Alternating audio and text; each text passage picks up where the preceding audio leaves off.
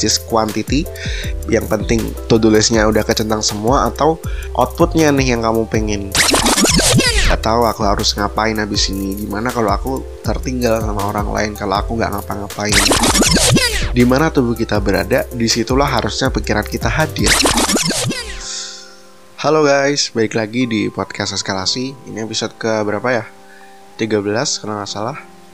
Yes Alhamdulillah udah sampai 13 meskipun jauh dari 30 Oke, okay, uh, Terima kasih udah dengerin lagi podcast eskalasi yang terbaru episodenya. Kali ini aku mau bahas fenomena yang yang menurut aku banyak di, dialamin sama anak muda zaman sekarang yang menurut aku mereka kurang sadar sama hal ini karena nggak banyak juga yang speak up soal ini kecuali kalau mereka tahu ini dan niat mencari tahu soal ini. Aku harap kalian uh, dengerin ini nggak setengah-setengah untuk menghindari mispersepsi dan kesalahpahaman ya Kemudian di episode ini kalian akan mendapatkan wawasan seputar apa dan bagaimana hustle culture bekerja dan bagaimana dampaknya kepada diri kita, kemudian solusi untuk mengatasi hal tersebut. Kalau kalian sadar, pernah gak sih dengar narasi-narasi yang vokal banget ngajak semua orang untuk produktif dan memanfaatkan waktu dengan sebaik-baiknya untuk mencapai sesuatu atau mencapai mimpi-mimpi, mencapai goals jangka panjang ataupun pendek. Aku setuju banget sama hal itu, sepakat, bahkan menjalani beberapa tahun hidupku dengan pola pikir bahwa aku harus produktif, aku harus bisa reach A atau B dalam tempo beberapa bulan atau minggu dan seterusnya. Aku jadi lebih sering nonton tayangan-tayangan produktivitas, konten-konten yang uh, membuatku lebih berkembang di YouTube ataupun di Instagram ataupun di platform konten mana pun ya. Dan awalnya itu terasa nikmat banget teman-teman. Kayak ngerti gak sih kalian apa ya kita bikin bikin uh, to do list gitu ya kita bisa ngelakuin apa yang kita pengen lakuin di to do list yang kita bikin dan berhasil tuh satisfying banget gitu dan itu candu banget menurut aku dan dan aku bikin to do list bahkan aku beli-beli buku tentang kesuksesan dan produktivitas kayak uh, produktif yang efektif kayak bagaimana metode apa yang bisa dipakai untuk untuk apa ya untuk semakin memberi boost semangat buat ngerjain banyak hal bahkan bahkan sampai terus ngelakuin bukan terus ya beberapa kali lebih sering ngelakuin multitasking untuk ambisi aku yang ngasih centang di setiap list-list yang aku bikin. Dan parahnya lagi selama 2 tahun ini kan pandemik ya teman-teman. Narasi produktif produktif itu kayak semakin vokal ya sih kayak artikulasinya menurutku kayaknya makin ke sini justru makin beda ya. Yang awalnya produktif itu di waktu luang dikerjakan di waktu luang. Karena ya kita semua kan serba online jadi waktunya bisa lebih fleksibel dan kita bisa kerjain di waktu luang harusnya. Justru makin di sini menurut aku malah jadi seolah sepanjang waktu harus produktif gitu. Orientasi beberapa orang tuh uh, makin ke sini kayak aku harus produktif gak boleh buang-buang waktu dan semacamnya gitu. Kayak mentang-mentang kita di rumah aja semua serba online dan bisa dikerjain dalam waktu barengan terus segala sesuatunya dikerjakan uh, segala sesuatu yang bisa dikerjakan dikerjakan sekalian gitu. Hanya demi untuk uh, ngasih kepuasan buat kita uh, ngecentangin apa yang pengen kita kerjain di setiap harinya aku ngalamin ini dan aku yakin bukan cuma aku pasti di luar sana juga banyak yang ngalamin hal ini that's why aku bikin episode ini supaya bisa memberikan edukasi dan juga motivasi ke teman-teman yang juga ngerasain. Um, ya bahkan dalam beberapa kali sampai multitasking yang benar-benar at all multitasking gitu. Aku mengutip dari um, penelitian, penelitian bukan sih ini? Oh ya penelitian uh, bilang. It was confirmed that multitasking requires more time to accomplish tasks and deteriorates creativity. And interestingly, in case of multitasking under time pressure, the performance was worse.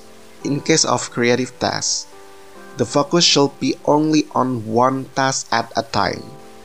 Jadi multitasking ini oke okay, pekerjaan kita mungkin bisa selesai. Mungkin dua pekerjaan atau tiga pekerjaan kita selesai tapi fokus kita gak bisa terbagi ke dalam tiga hal tersebut. Kita tidak didesain untuk um, fokus di salah satu hal yang benar-benar uh, bisa menyajikan hasil yang uh, memuaskan gitu.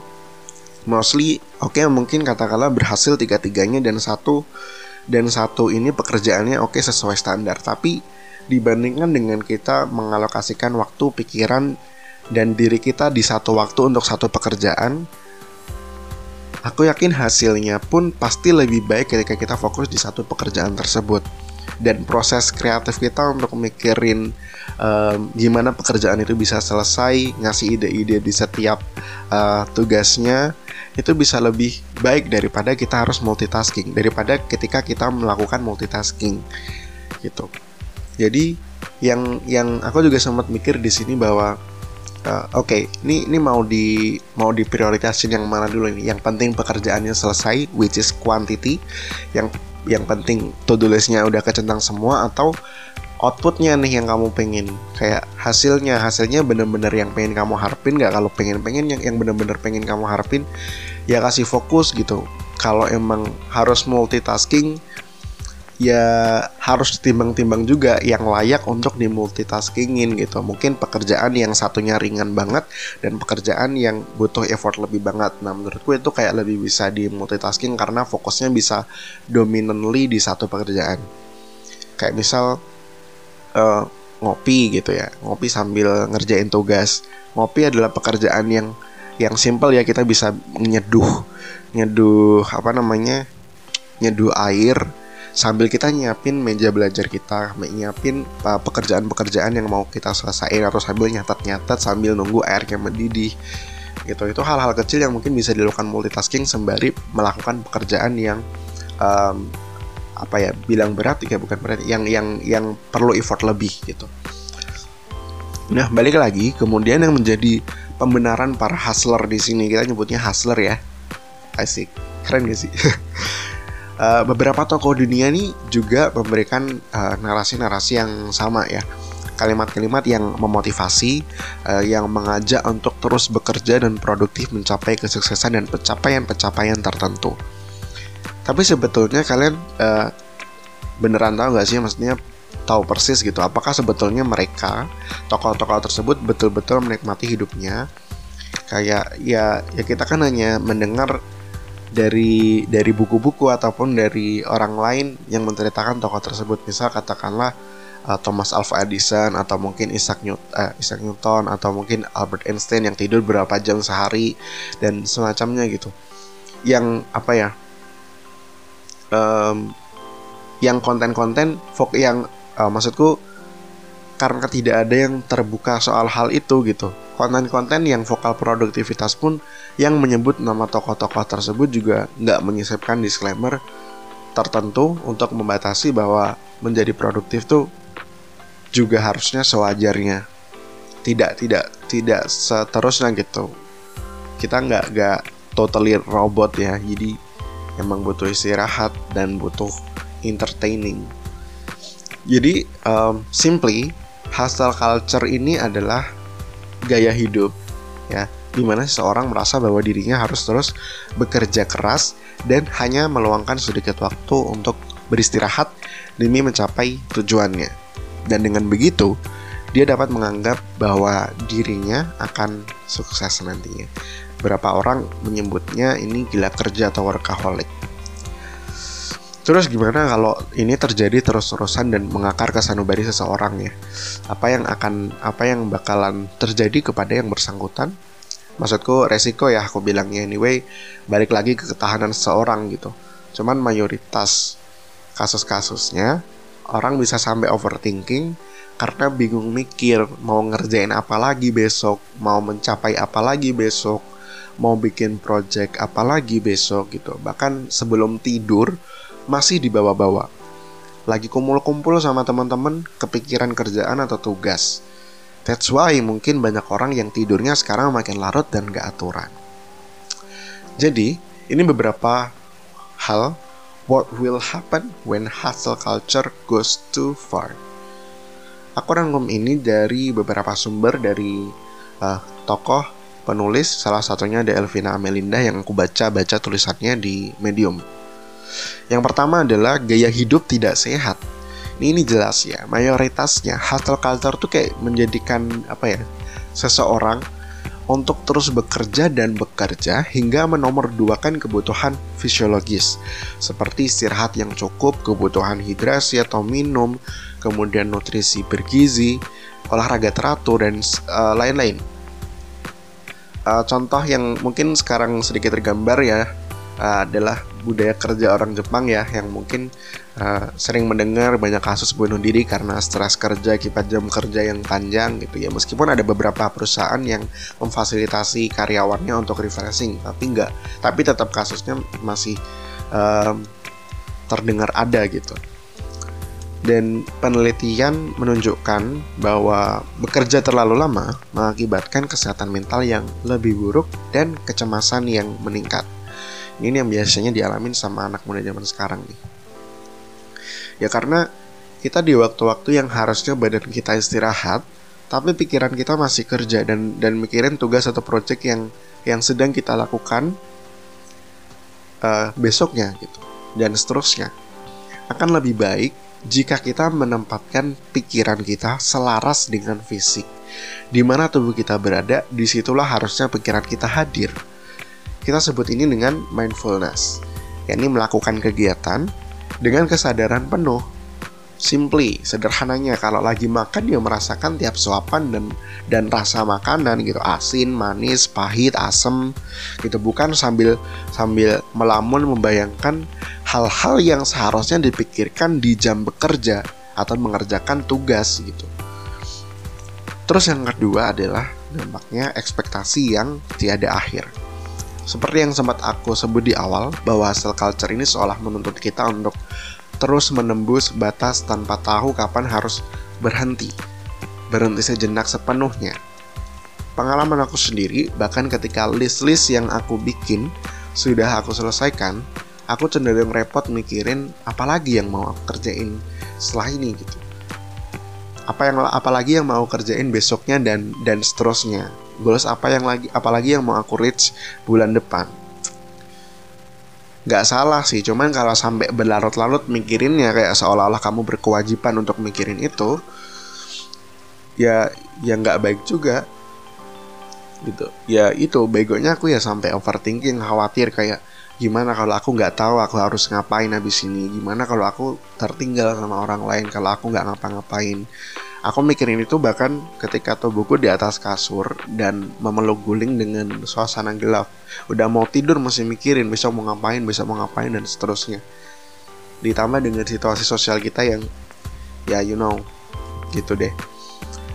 Ekspektasiku ini akan terus menjulang tinggi diiringi dengan standar yang ikut tinggi juga di setiap tugasnya. That's why nanti dampaknya juga kalau Gus apa namanya hasil culture ini goes too far, ekspektasinya bakal akan terus-terusan. Terus yang ketiga adalah memicu burnout. Sederhananya burnout adalah istilah yang uh, biasa digunakan untuk menggambarkan kondisi stres berat yang dipicu oleh pekerjaannya. Ada kalanya ketika kita bekerja atau atau duduk di depan laptop berjam-jam selama berhari-hari dan berlarut-larut, kita mencapai titik di mana tubuh dan pikiran kita lelah atau capek dengan hal tersebut. Tapi ekspektasi kita karena terlalu dominan dan cenderung menguasai pikiran, kita akhirnya memaksakan untuk terus bekerja. Dan ini erat kaitannya dengan kualitas kita menikmati hidup kita. Menikmati setiap proses sebagai manusia yang holistik, yang butuh hiburan, yang butuh makan, minum, olahraga, me time, memanjakan diri untuk sesaat. Terus yang keempat, ini menimbulkan toxic productivity. Bekerja secara terus-terusan, teman-teman, sebetulnya nggak menunjukkan bahwa seorang melakukan produktivitas dalam kehidupannya. Justru, karena ambisinya yang nyaris tanpa batas, ini menjadi faktor situasi stres. Ada yang sampai merasa bersalah dan gelisah ketika tidak bekerja keras atau ngambil libur diri gitu. Seolah sudah mencoreng harga diri sendiri yang bermaksud menjadi orang produktif. Wow, I have been there. Nah, terus apa hustle culture ini sepenuhnya buruk? Sebetulnya menurut aku sih enggak juga. um, bukan uh, mungkin menurutku ya menurutku pribadi nggak bakal menjadi buruk kalau tanpa culture jadi cukup hustle kalau kita melak bisa melakukan hustle habit ini dengan porsi yang pas dan diimbangi mindfulness, menurut aku hasilnya juga akan worthy. Tentu dengan beberapa catatan yang mungkin bisa jadi pegangan ketika kalian mau sedikit hustle untuk reach goals di to-do list kalian. Dan uh, untuk melakukan hustle culture tanpa menyakiti diri sendiri itu juga gak mudah. Jadi lakukan perubahan secara perlahan tapi pasti.